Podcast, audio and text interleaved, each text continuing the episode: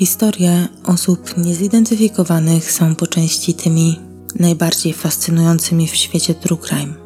Nie wiemy, kim dany człowiek był, co tak właściwie się stało, jak ofiara spędziła swoje ostatnie chwile i czy ktoś tej osoby w ogóle szuka. Często takie sprawy pobudzają ludzką wyobraźnię.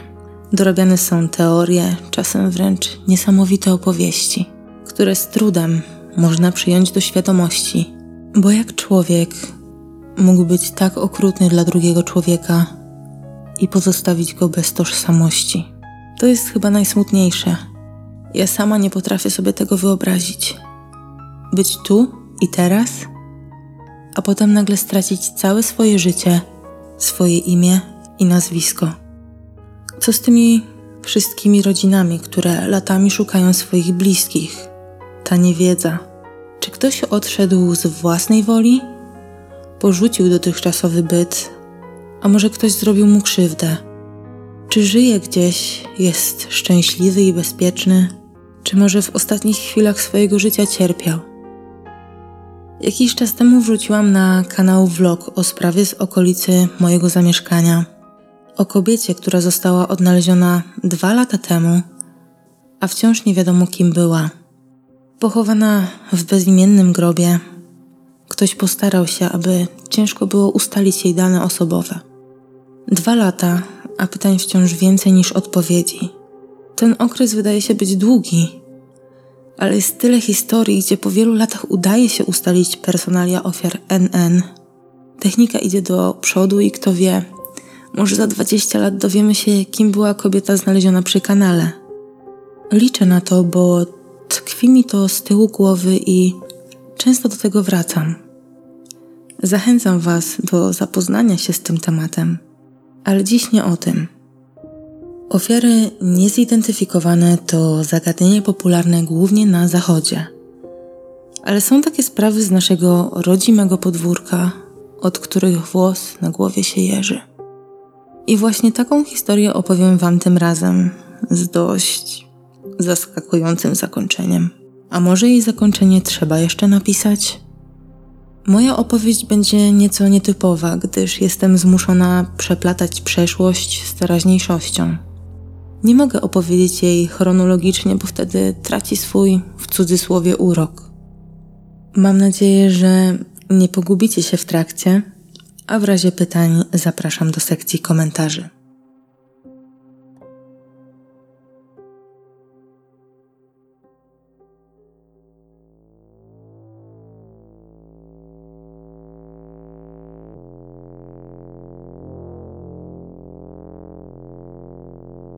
Był maj, dokładnie sobota 15 maja 1999 roku. Aura tego dnia była wyjątkowo przyjemna. Zachęcała do wyjścia na zewnątrz, do podziwiania natury czy chociaż do małego spaceru. W okolicy Międzybrodzia Bialskiego pewien mężczyzna, na marginesie według świadków towarzyszyła mu kobieta, pewien mężczyzna postanowił wybrać się na taki właśnie spacer. Robił rozpoznanie po terenie, na którym mieściły się domki letniskowe. Sam taką nieruchomość planował zakupić. Przysiłek Łazy to tam wspomniany przeze mnie mężczyzna dokonał odkrycia czegoś, na co nigdy w życiu nie chciałby natrafić. W studni, która była równocześnie szambem, znajdowało się nagie ciało kobiety w daleko posuniętym stopniu rozkładu. Spanikowany mężczyzna podniósł alarm i w związku z tym na miejscu pojawili się kolejni gapie. W końcu też zjawili się funkcjonariusze policji oraz strażacy. Jeśli słuchacie mnie systematycznie, to wspomnę tylko, że Międzybrodzie znajduje się w okolicach Simoradza, o którym opowiadałam w poprzednim odcinku. I to w całkiem podobnym czasie. Zbieżność jest przypadkowa, ale jakoś ten fakt dotarł do mnie dopiero przy przygotowywaniach do nagrania. Wracając. Na terenie posesji policjanci odnaleźli ciuchy, pety po papierosach, bilet autobusowy, zużytą prezerwatywę oraz włosy, których pochodzenie było nieznane. Po oględzinach ciało zostało wyciągnięte ze studzienki przez strażaków następnie przewiezione do Zakładu Medycyny Sądowej Śląskiej Akademii Medycznej w Katowicach. Tam dokonano szeregu badań, które pozwoliły w przybliżeniu oszacować chociażby wiek denatki czy prawdopodobną przyczynę śmierci. Niestety los bezimiennej kobiety był tragiczny. Ofiara, bo tak po ustaleniach biegłych można było o niej mówić, w chwili odnalezienia miała nałożony na głowę foliowy worek. Mógł być on bezpośrednią przyczyną zgonu. Jej kość gnykowa, czyli leżąca poniżej żuchwy, kość biorąca udział w ruchach krtani, była po prostu ruchoma, a tak nie powinno być. Według biegłych oraz prokuratury mogło to świadczyć o zadławieniu, czyli potocznie mówiąc uduszeniu przez osobę trzecią. Mogło być też tak ze względu na etap gnicia, gdyż jak wynikało z badań, kobieta ta przeleżała w szambie kilka miesięcy. Podejrzewano trzy możliwe scenariusze, jeśli chodzi o przyczynę śmierci. Przed chwilą opowiedziałam Wam o jednej z nich. Kolejną było uduszenie od założonego worka na głowę, w którym stopniowo zaczynało brakować powietrza. Ostatni punkt to trujący gaz, który mógł znajdować się wewnątrz worka. Jednak nie udało się ustalić tego precyzyjnie. Podczas badania stwierdzono, że kobieta została oskalpowana. Skóra jej głowy została przecięta na wskroś i wręcz oderwana od ciała. Jeśli wydarzyło się to jeszcze za jej życia, można tu mówić o torturowaniu. Musiała przeżyć prawdziwy koszmar. Do opinii publicznej dotarły te przerażające fakty. Oprócz tego społeczeństwo dostało wizualizację tego, jak kobieta mogła wyglądać za życia. Wszystko to oczywiście znajdziecie na Instagramie oraz grupie, a linki do tych kont w opisie odcinka. Niestety przez zniszczenie zwłok nie można było określić dokładnego wieku denatki. W przybliżeniu miała mieć między 23 a 30 lat, później doprecyzowano to do 25 lat. Jej wzrost to około 165 cm, włosy blond kręcone, farbowane na brąz w odcieniu kasztanowym, była krępej budowy ciała. Jedynym znakiem szczególnym była blizna po cesarskim cięciu od pępka w dół. Ze względu na brak jakichkolwiek przedmiotów osobistych przy ciele tejże kobiety, nie dało się ustalić jej tożsamości. Nikt z mieszkańców Międzybrodzia również jej nie kojarzył, przez co nie można było ustalić, z kim spędzała swoje ostatnie chwile. Tam wszyscy raczej się znają, dlatego uważano, że została ona najprawdopodobniej do studzienki podrzucona. Chociaż niektóre teorie przyjmują inny przebieg wydarzeń, ale o tym nieco później. 2 listopada, czyli pół roku po odnalezieniu denatki, prokurator rejonowy w Żywcu umorzył sprawę, a ona została pochowana na cmentarzu jako ofiara NN. Mijały lata i praktycznie nikogo nie obchodził jej los. Praktycznie, gdyż starsza pani mieszkająca w okolicy zrobiła zbiórkę wśród sąsiadów i udało się postawić skromny pomnik, jednak nadal bezimienny. Realizatorzy programów kryminalnych również nie pozostawili sprawy samej sobie. Telewizyjne biuro śledcze wyemitowało odcinek 4 lata po wydarzeniach z 1999 roku. To tam Bronisław Cieślak pokazał teren posesji. Była ona nieogrodzona i tak naprawdę każdy mógł się na nią dostać. Właściciel zostawił ją bez opieki bez jakichkolwiek zabezpieczeń. Tak zwana samowolka. Kto chciał, mógł na niej robić tak naprawdę wszystko. W programie znajdziemy również zdjęcia z akt sprawy. Ciało w studni, jak również zbliżenie na głowę zawiniętą w czarny foliowy worek. Ja tych zdjęć tutaj nie opublikuję, gdyż są naprawdę makabryczne. Więc jeśli chcecie mm, zobrazować sobie to wszystko, odtwórzcie po prostu 227 odcinek telewizyjnego biura śledczego. W 2019 roku, czyli 20 lat od wydarzeń, na Śląsk pojechał Szymon Wochal i nagrał odcinek dla innego popularnego programu o tej tematyce magazyn kryminalny 997. Ludzie wciąż pamiętają tę przykrą sprawę, jednak nawet dwa lata temu, mimo nowych technik kryminalnych, kobieta wciąż nie posiadała tożsamości.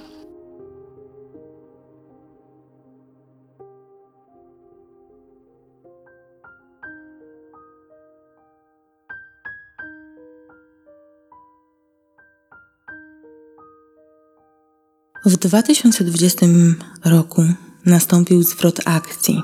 Tak niesamowity i tak przypadkowy. Kamil Wójtowicz od lat zastanawiał się, co stało się z jego matką, której tak naprawdę nie pamiętał. Od drugiego roku życia był wychowywany przez dziadków, rodziców jego mamy, która pewnego dnia wyszła i ślad po niej zaginął. Próbował dopytywać, szukać jakichś wskazówek, ale miał wrażenie, że jego bliscy niekoniecznie chcą wracać do przykrych wydarzeń. W końcu odejście bliskiej osoby zadało im wiele bólu i cierpienia. Na początku roku Kamil odezwał się do organizacji, grup pomagających w nagłośnieniu takich spraw, między innymi do zaginionych przed laty czy fundacji na tropie, w której działa znany z nazwiska Janusz Szostak. Tu cytat z portalu crime.com.pl Czy może pan pomóc mi w poszukiwaniu mojej mamy? Zapytał mnie w połowie stycznia 2021 roku Kamil Wójtowicz. Nie mogłem odmówić. Poprosiłem o przysłanie zdjęcia zaginionej kobiety oraz informacji na jej temat. I to okazało się problemem, gdyż syn wiedział o matce niewiele. Wiadomo było, że zaginiona kobieta miała ślad po cesarskim cięciu. To był już jakiś trop. 24 stycznia na naszym portalu crime.com.pl został zamieszczony komunikat o poszukiwaniach Agnieszki Wójtowicz. Niebawem informacja ta została też rozpowszechniona na wielu facebookowych grupach. Co udało się ustalić? Agnieszka Wójtowicz urodziła się 5 czerwca 1976 roku. W wieku 19 lub 20 lat urodziła syna Kamila, którego wychowywała samotnie. Często w opiece pomagali jej rodzice. Mieszkała na Dolnym Śląsku w Złotoryi. W 1998 roku pewnego dnia wyszła z domu i nigdy więcej do niego nie wróciła. Jej bliscy nie są w stanie podać nawet konkretnej daty, bo też zaginięcie nie zostało zgłoszone od razu. Miała 22 lata, kiedy odeszła. Nie wiadomo dlaczego, nie wiadomo z kim i dokąd. Babcia Kamila twierdzi, że zgłosiła zaginięcie córki w 2000 roku, czyli po blisko dwóch latach. Podobno odmówiono wtedy przyjęcia zgłoszenia ze względu na zbyt długi okres, który upłynął od dnia, w którym Agnieszka była widziana po raz ostatni.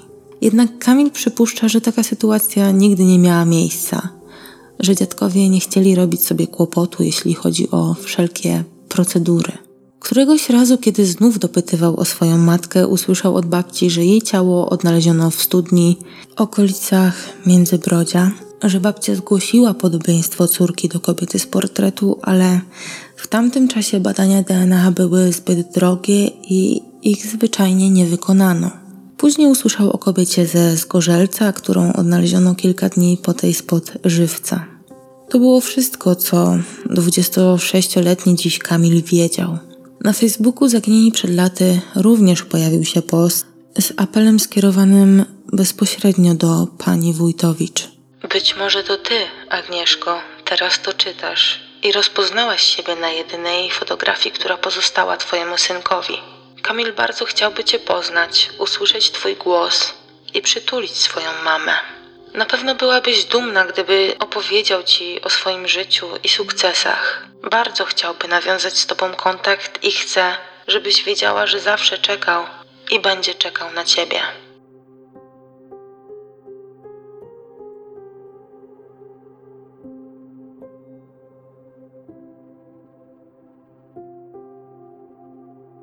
Nie trzeba było czekać długo na odzew.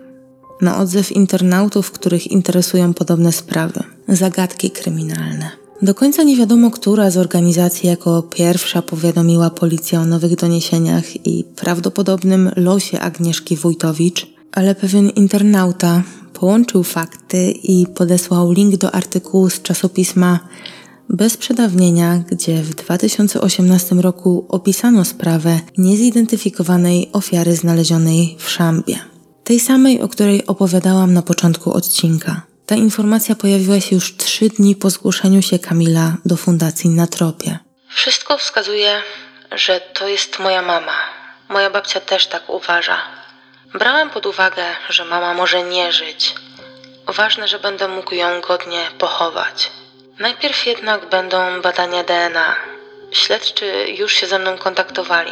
To wszystko wydarzyło się tak szybko. Mówił mężczyzna. Kamil zgłosił się do komendy powiatowej w Żywcu. Zlecono badania. W związku z tym ekshumowano szczątki kobiety odnalezionej w 1999 roku. Wcześniej zabezpieczono podobno materiał DNA, ale możliwe, że był zwyczajnie bezużyteczny po ponad 20 latach. Po czterech miesiącach 26 kwietnia 2021 roku przyszły wyniki. Okazało się, że istotnie kobieta odnaleziona przy domku letniskowym pod Żywcem to Agnieszka Wójtowicz, zaginiona mama Kamila. To dowodzi tylko temu, że nigdy nie wolno tracić wiary. Mimo, że finał sprawy jest smutny, rodzina w końcu poznała losy bliskiej im osoby. Niestety, bardzo makabryczny los. W związku z nowymi poszlakami, ustaleniem tożsamości, wznowiono śledztwo. Pojawili się też świadkowie, którzy wcześniej nie skontaktowali się z policją. Czasem niektórzy boją się, niekiedy nie ma ich na miejscu, nie wiedzą co się dzieje, nie wiedzą, że są świadkiem jakichś wydarzeń. Pan Szostak opublikował zeznania kobiety, która skontaktowała się z nim i opowiedziała historię z własnej perspektywy. Przypuszcza, że może mieć pewne informacje odnośnie potencjalnego sprawcy. Podejrzewam, że ten facet, który zabił tę kobietę, to jest ten sam, który mnie napadł, gdy byłam nastolatką. To jest ten sam rejon. Był szczupły. Jego oczy poznałabym wszędzie. Były wyłupiaste. Wiem, gdzie mieszka. Ma żonę i dzieci. W 1998 roku, kiedy doszło do zdarzenia, pani Katarzyna była bardzo podobna do Agnieszki. Miała 19 lat, kręcone włosy. Tego dnia jechałam autobusem z Bielska Białej do Żarnówki Małej. On był w autobusie, obserwował mnie. Czułam jego wzrok na sobie, a gdy wysiadłam, on też to zrobił. Ale poszedł w inną stronę. Gdy przeszłam zaporę i szłam w kierunku ośrodka Meriliany, on wyskoczył z lasu. Pięściami uderzył mnie w twarz. Pobił mnie. Potem okładał mnie wielkim kamieniem po głowie. Krzyczałam okropnie, a on próbował rozpiąć mi spodnie i mnie zgwałcić. Gdy już zaczęłam tracić przytomność, nagle podjechał samochód i jakaś para uratowała mi życie. On uciekł do lasu. Pewnego dnia spotkała go po raz kolejny. Nie wiem, ile odwagi w sobie miała, że nie uciekła, a popłynęła motorówką do Międzybrodzia i zgłosiła wszystko na policji. Mężczyzna za swój czyn został skazany. Niestety jedynie na pół roku. Kolejnym świadkiem, o którym mówi dziennikarz, jest pani Magda, która w międzyczasie, gdy odnaleziono Wójtowicz, wyjechała za granicę. Opowiedziała dość nieprawdopodobną historię. To był Sylwester 1998-1999. Przed północą pod dom rodzinny pani Magdy podjechała taksówka, z której wysiadł mężczyzna, około 25-26-letni. Zapytał o drogę w kierunku przystani, gdzie czekać miała na niego jakaś dziewczyna. Ta wskazała mu kierunek. Przystań mieściła się jakieś 500 metrów od jej domu. Poszedł, jednak po jakimś czasie wrócił. Był roztrzęsiony i przerażony. Około czwartej nad ranem dobijał się do drzwi i płakał. Mówił, że oni ją mordują. Nie określił jednak kto i kogo. Miał ciągle powtarzać: Niech pani pomoże, oni ją mordują. Jak wspomina, mężczyzna ten miał opowiedzieć jej ojcu, że kobieta, której szukał wcześniej, zadzwoniła do niego prosząc o pomoc. Przyjechał z żywca. Niestety nic więcej nie udało się ustalić. Pani Magda wyjechała za granicę i po jakimś czasie odnaleziono zwłoki w studni. Połączyła to z dziwną sylwestrową sytuacją. Co ciekawe, biegli określili czas zgonu właśnie na okolice przełomu roku 98 i 99. Czy mogła być to noc sylwestrowa? Niewykluczone. Wspomina o tym chociażby prowadzący w programie telewizyjne biuro śledcze. Wysnuto też hipotezę, że Agnieszka mogła znać się z podejrzanymi typami. W tamtym czasie do domków letniskowych często przyjeżdżali gangsterzy. Podobno też w jednym z tamtejszych ośrodków był dom publiczny. Czy pani Wójtowicz wplątała się w nielegalny biznes? Czy ktoś ją do czegoś zmusił? To ustalić muszą śledczy, dlatego zbierają wszelkie informacje i szukają świadków. 11 maja bieżącego roku podjęliśmy na nowo postępowanie w sprawie zabójstwa niezidentyfikowanej kobiety, której nagie zwłoki z ciasno naciągniętym workiem plastikowym wokół głowy zostały znalezione w dniu 15 maja 1990 roku w Międzybrodziu Bialskim, w szambie budynku letniskowego. Mówi rzecznik prokuratury. Niepotwierdzone zostały jednak wcześniejsze informacje na temat oskalpowania, gwałtu czy uduszenia. Możliwe, że funkcjonariusze chcą skonfrontować te fakty podczas rozmowy z zabójcą. Miejmy nadzieję, że tak jak dzięki uporowi i technice nadano niezidentyfikowanej kobiecie imię oraz nazwisko, że zostanie odnaleziony też sprawca i zostanie napisany ostatni rozdział tej historii. Lata temu policja zignorowała sprawę. Liczę na to, że służby w końcu złapią zabójcę i wymierzą mu sprawiedliwość. Mówi Kamil Wójtowicz.